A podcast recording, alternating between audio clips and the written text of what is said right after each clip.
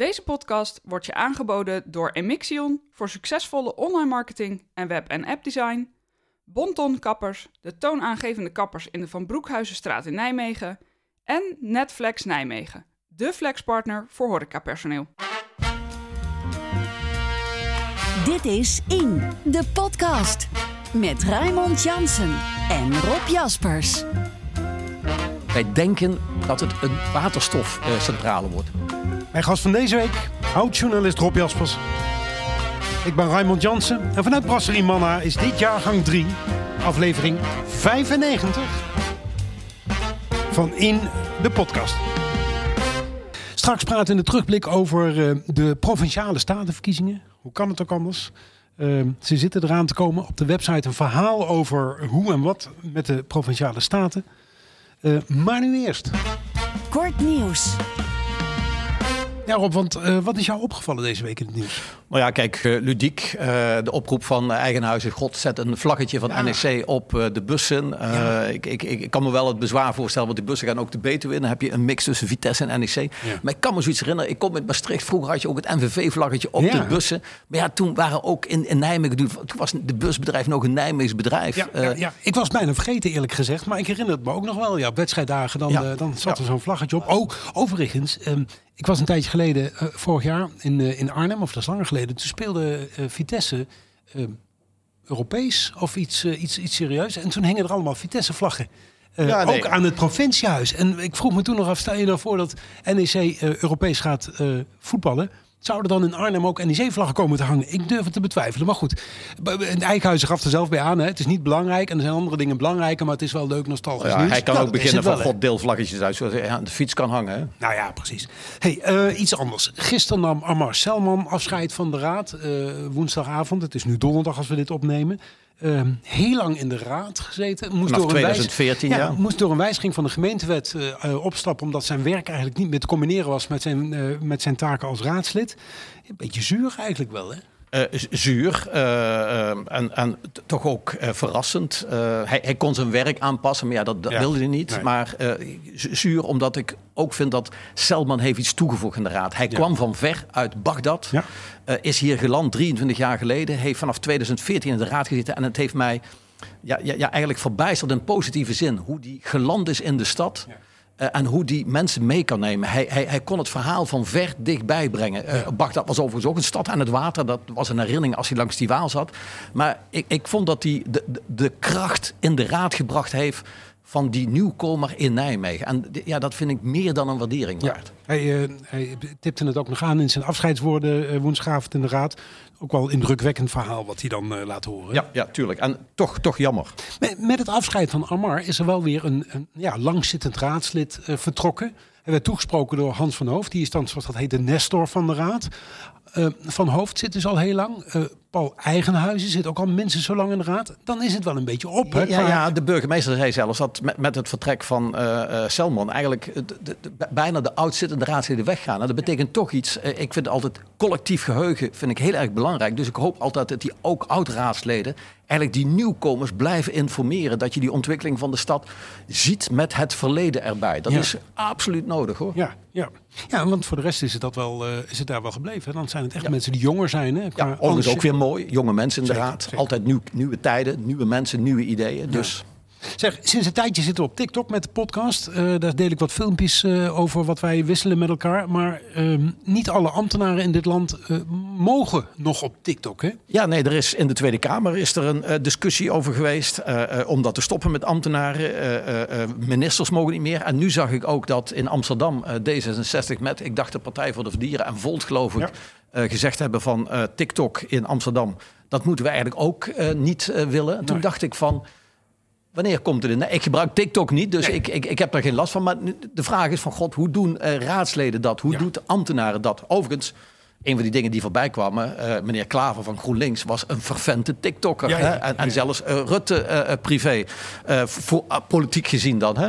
Dus dan is het toch van, ja, toch een ingreep. Ja, ja overigens, even voor de duidelijkheid, TikTok is een Chinees product en de banden met China wereldwijd, die zijn natuurlijk, staan ter discussie.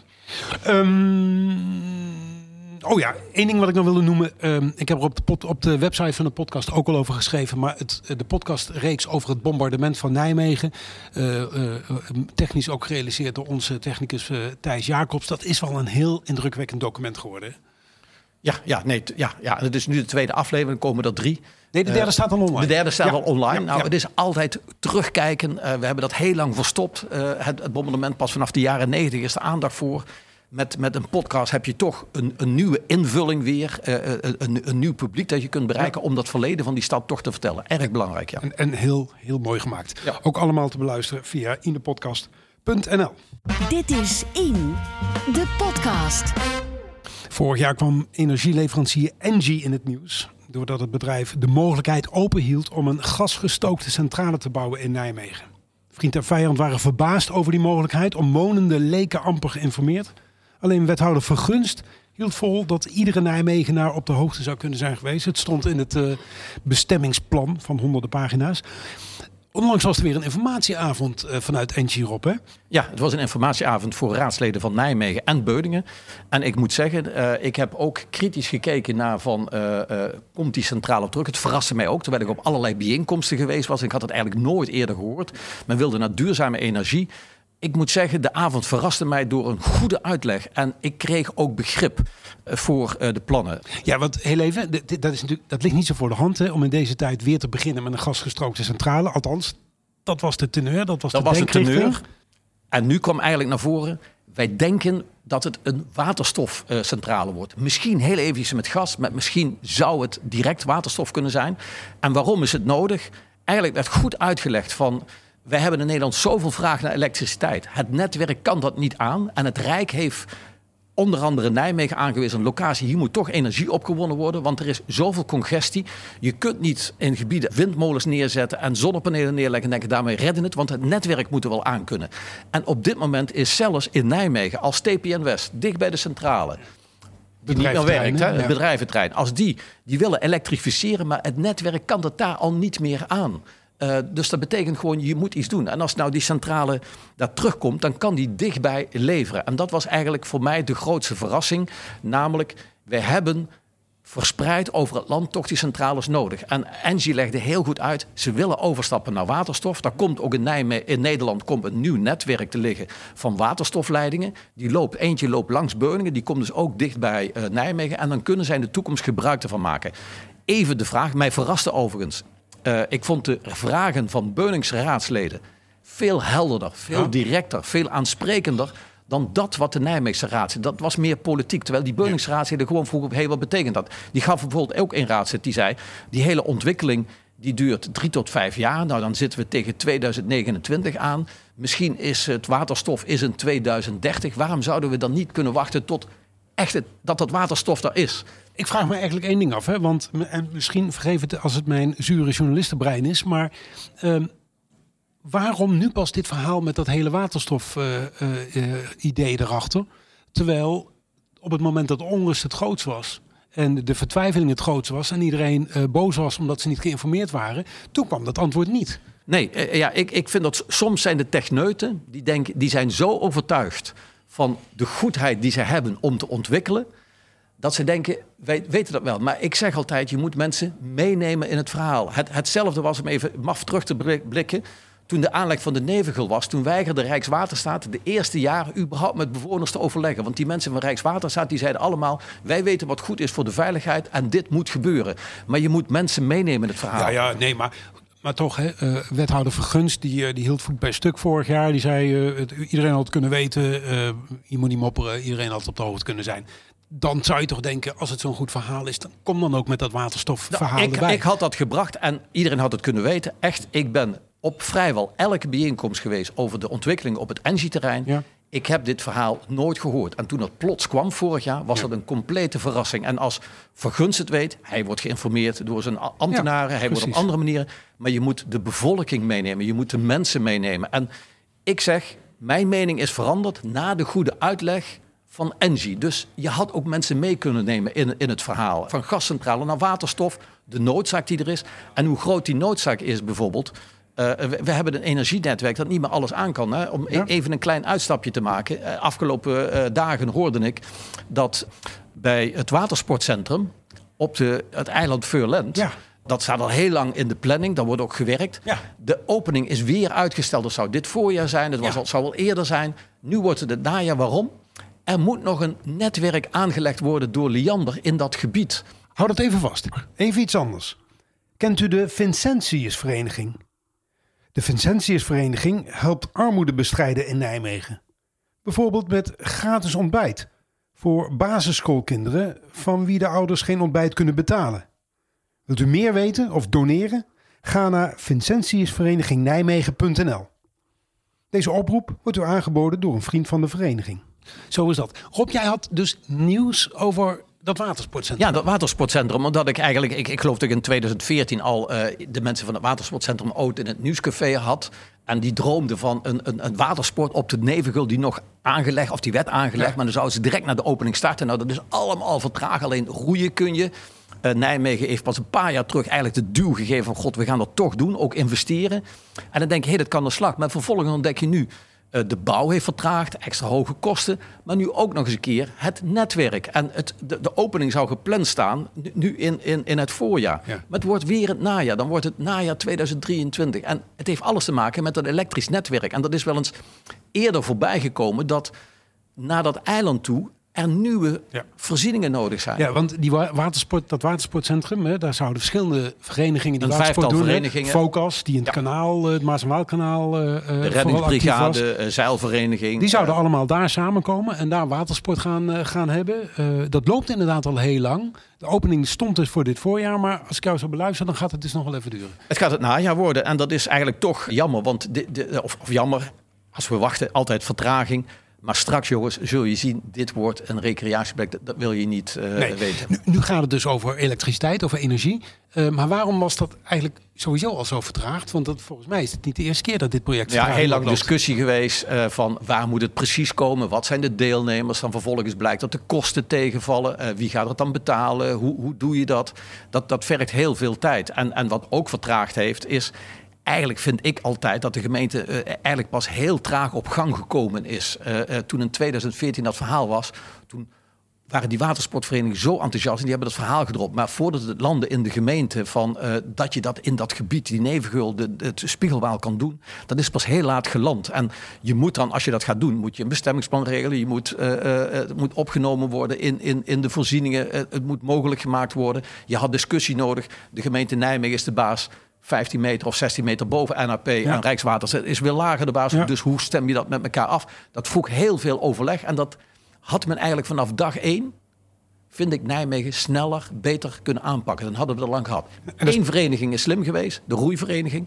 Die hebben een eigen, die zouden eerst samenwerken, maar die hebben een eigen plek eh, gekozen.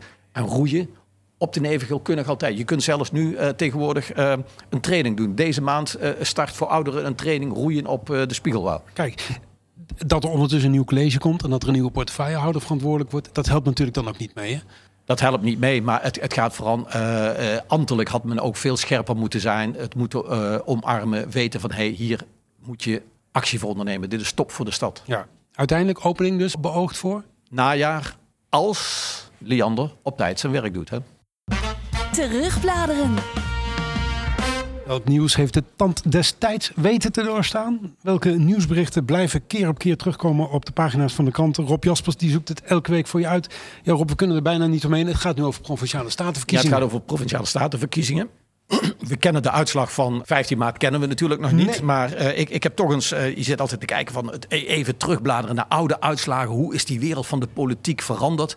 En dan heb ik gekeken naar de uitslagen in Nijmegen. En ik heb wat voorbeelden genomen een aantal jaren. En dan zie je toch, ja, hoe eh, we zijn altijd denken van god, de wereld verandert. In Ja. één keer duikt een nieuwe partij op als koploper en dan zakken mensen weg. En dat, dat zie je ook in Nijmegen. Om even aan te geven, kijk, in 2019 was GroenLinks hier met eh 23, ruim 23 procent de grootste partij.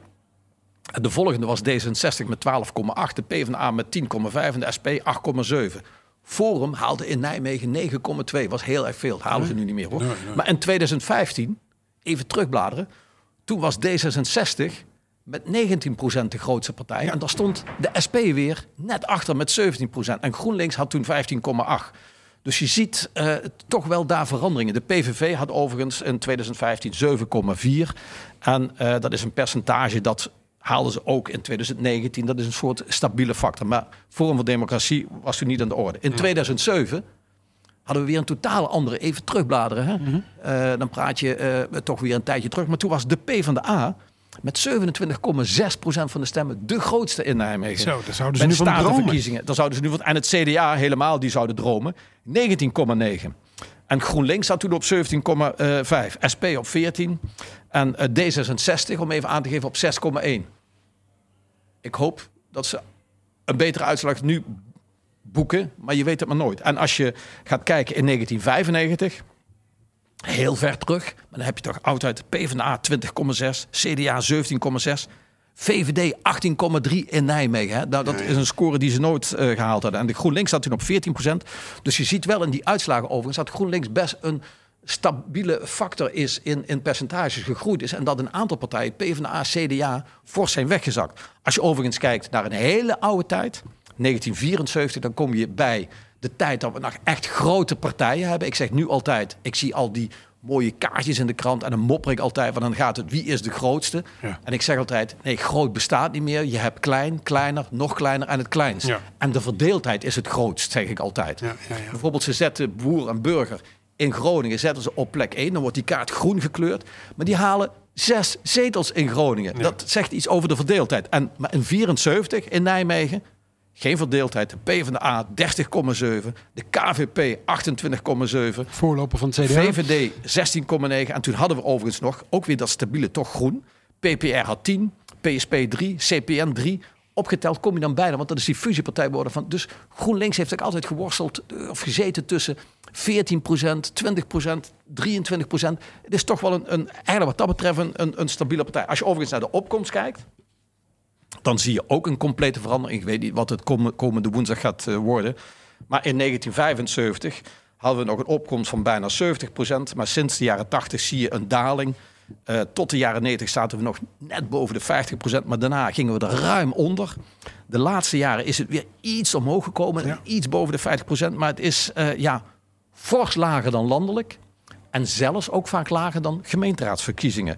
En sommigen denken dat dat bijvoorbeeld GroenLinks een duw kan geven, want die gaan wel stemmen, die jongeren. En sommigen verklaren daarmee de, de GroenLinks kleur in de stad. Maar als ik nou teruggebladerd heb, dan zie je dat toch GroenLinks bij al die statenverkiezingen toch altijd wel een partij is geweest die aanwezig was. Hoor. Ja.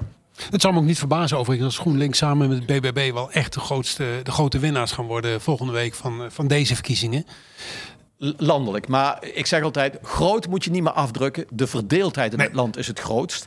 Aan de andere kant is overigens, wij zien bij die verkiezingen dat iedereen zich fel tegen elkaar afzet. En ik, ik heb nog even zitten kijken van hoe zitten nou die colleges van gedeputeerde staten in elkaar. Hè? Mhm. En dan zie je dat voor de verkiezingen wordt er enorm gebotst. Maar dan zie je bijvoorbeeld uh, hier in Gelderland hebben wij de VVD met het CDA, GroenLinks en de PvdA, de ChristenUnie, die vormen eigenlijk het bestuur. Uh, die leveren de gedeputeerden. Dus eigenlijk toch tegengestelde mensen bij elkaar. Dus je kunt toch tot overeenkomst. Maar in Noord-Holland zit bijvoorbeeld GroenLinks met de VVD, D66 en de PvdA. Dus ook daar. En als je in uh, Utrecht kijkt, dan zie je weer het CDA, GroenLinks, D66 en de Partij voor de Dieren. Ah, de PvdA bedoel ik. Die zitten bij elkaar. Dus je ziet gewoon dat wisselende partijen wel degelijk kunnen samenwerken. Dus dat afzetten tegen, hè, eh, de, de, de links tegen rechts als puntje bij paaltje komt, kunnen ze, kan ook GroenLinks met de VVD samenwerken. Dat zagen, dat zagen we natuurlijk ook na de gemeenteraadsverkiezingen. Dat de colleges uh, werden gesmeed met, met partijen waarvan je op het eerste oog niet zou denken dat die samen door in de deur zouden kunnen. Dus het, het, het kan natuurlijk wel als men bereid is als je bereid bent, kijk, zelfs in Overijssel, hè, daar heb je het CDA, de VVD, de PvdA, de ChristenUnie en de SGP. Ja. Die vormen daar eigenlijk het bestuur. Uh, je moet begrijpen, en bij de verkiezingen hoor je dat niet, besturen is compromissen sluiten. Dat betekent dingen inleveren en samenwerken met anderen. Ja. Heel wat tegenstrijdigs om in de rubriek terugbladeren toch even vooruit te blikken. Maar ik wil het toch proberen. Als we, als we een beetje vooruit kijken naar volgende week. BBB loopt een fantastische campagne. Overal waar een omgekeerde vlag hing, hangt nu een bord van de BBB. Eh, eh, GroenLinks, D66, zeer zichtbaar in de campagne. VVD aanmerkelijk minder, heb ik de indruk. Wat is jouw indruk van de campagne tot nu toe? Ja, ik zie vooral, uh, kijk, wat, ik triest vind, het gaat bijna niet over de provincies. Hè. Het, het gaat over de landelijke campagnes, de landelijke zichten laten zich zien. De Eerste Kamer die gevormd wordt, daar lijkt het vooral om te gaan. En dat vind ik eigenlijk toch, toch triest. Ik, ik vind je moet mensen meenemen in het Gelderse verhaal. Je moet mensen meenemen in het dichtbij verhaal. Wat gebeurt er in jouw omgeving? En ja, dat, dat mis ik. En dan kun je natuurlijk wel zeggen, ja, die mensen zijn niet zo bekend. Maar het gaat wel om de items die mensen ja, de raken. onderwerpen wel, hè? De, dus kijk, het, het, gaat over bouwen en wonen. Het gaat over het waterbeheer. Het gaat over het natuurbeheer. Ja, daar, kun je toch dichtbij verhalen over vertellen. Uh, als meneer Rutte en Klaver praten, hebben ze geen idee hoe dat in Gelderland eruit ziet. Dus, dus je moet hier de lokalers moet je dat, dat woord laten geven. En ja, de uitslag voorspellen is een, uh, is een lastige. Het, het hangt op van de, van de opkomst. Ja. GroenLinks heeft er baat bij. En natuurlijk landelijke, want dat is de andere kant, als je het over landelijk hebt, dan wordt natuurlijk de landelijke coalitie die nu regeert, die krijgen wel een afstraffing. Ja, ja dus de verkiezingen lijken ook heel erg te gaan over de samenstelling van de Eerste Kamer. Ja, en eigenlijk hebben, denken, denken nog veel mensen, het gaat over de Tweede Kamer. Maar het gaat eigenlijk gewoon over de provincies. Dit is In, de podcast. Wethouder Cidia Dame verklaarde onlangs in de Gelderlander dat in Nijmegen meer dan de helft van de ritten korter dan 7,5 kilometer met de auto wordt gedaan. Dat is niet helemaal waar, hè? Nee, nee het, het, ging, uh, het was een verhaal waarin uh, Damen met Verguns uitlegde waarom zij uh, inzetten op Nijmegen fietsstad. Vind ik overigens best prima. Maar zij gebruikten het woord van dat er zijn actie nodig. En ze zeiden inderdaad dat voor de korte afstand, dat 7,5 kilometer, ja. vooral de auto gekozen wordt. En dat moest veranderen. En toen dacht ik van, ben toch weer even gaan kijken. En dan zoek ik gewoon de stukken die mevrouw Dame ook kan kennen. En Verguns eigenlijk ook kan kennen. dat is gewoon volstrekt achterhaald. Er is al heel lang een trend onder de 7 kilometer. neemt 40% neemt de fiets in Nijmegen, 30% gaat lopen. En de rest neemt de auto. Dus dan, dat, zijn, dat zijn cijfers uit dat het uit zijn het cijfers mobiliteits... uit, uit de mobiliteitsrapporten uh, waar ze onderzoek gedaan hebben in Nijmegen. En dan denk ik van, hé, hey, dit, dit moet je niet zo brengen. Dat hoor je te weten. En als jij nieuw beleid maakt, dan moet je juist trots zijn. Wij in Nijmegen hebben die trend al gezet. We ja. hebben geïnvesteerd in fietspaden, in routes, helder gemaakt van, hé, hey, hier hebben ze al die trend die gekozen. Die nee, nee, ja, dat vind ik categorie dom. En ik, ik vind eigenlijk ook dat ze publiekelijk dat eigenlijk uh, recht zou moeten uh, uh, zetten. zetten in, in de raad of ergens anders. Of misschien een opinie moeten schrijven van... jongens, ik heb me toch vergist en we zijn hier goed bezig. En wat je tegelijkertijd ook ziet... is sommige mensen zien, als je het over het fietsbeleid hebt... dat je de auto op achterstand zet. Ja, ik, ik, ik draai dat altijd om. Van, wij, wij geven de fiets gewoon een, een, een voorsprongetje. Wij investeren in, in, in fietspaden. Is de investeren... fiets de, de nieuwe heilige koe? de fiets de nieuwe heilige koe. Kijk, we hebben de e-bike, dus je kunt langer afstanden afleggen. Ik, ik heb wel eens, en dan gaat het voor mij er ook om. Uh, je moet de automobilist niet plagen. Nee, je moet de automobilist laten zien hoe snel je met de fiets kan zijn. Toen ik uh, een paar jaar terug heb ik op de e-bike, want die rukt op. Toen ben ik vanuit allerlei plaatsen, vanuit Malden, vanuit Millingen, vanuit Bemmel, vanuit Elst, ja, ja. vanuit Wiegen, ben ik gaan fietsen naar werkplekken, grote werkplekken in Nijmegen. Bijsterhuizen. En toen ontdekte ik gewoon ja. dat er A, hele goede fietspaden liggen en dat het razendsnel kon.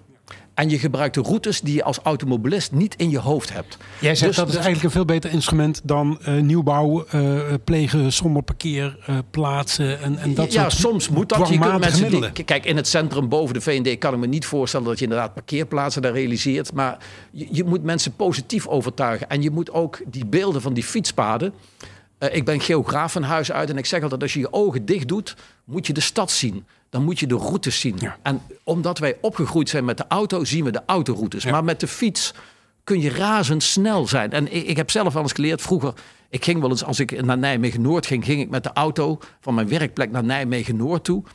En dat duurde dan heel erg lang. Je moest de brug over tot ik dacht van nee, ik stap gewoon op de fiets. En dan ontdek je dat je over die fietsbrug, dat je over de nieuwe oversteek razendsnel kunt zijn. En dat je in Nijmegen Noord makkelijker de fietsstrook... En ja in 10, 12 minuten ben je in Zuiderveld in, in, in de Waalsprong. Maar met de auto doe je daar 20 minuten over. Ja, zeker als het wat drukker is. Ik, ja. ik, ik, fiets van de week van het station ook naar mijn eigen woning. En vanaf de, op, via de Sint-Annestraat en vanaf het begin van de Hatelse weg heb ik stilstaande auto's ingehaald. Dus ik, eh, natuurlijk.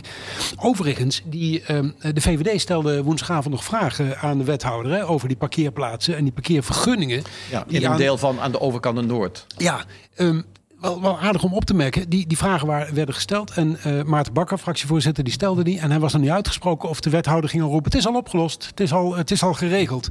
En het aardige is, uh, ik hoorde dat de uh, bewoners van die woningen in Nijmegen-Noord... die hadden smiddags een mailtje gehad met... sorry, vergissing, um, jullie kunnen toch gewoon een bezoekersvergunning aanvragen. Maar die raadsleden, die hadden dat mailtje niet gehad.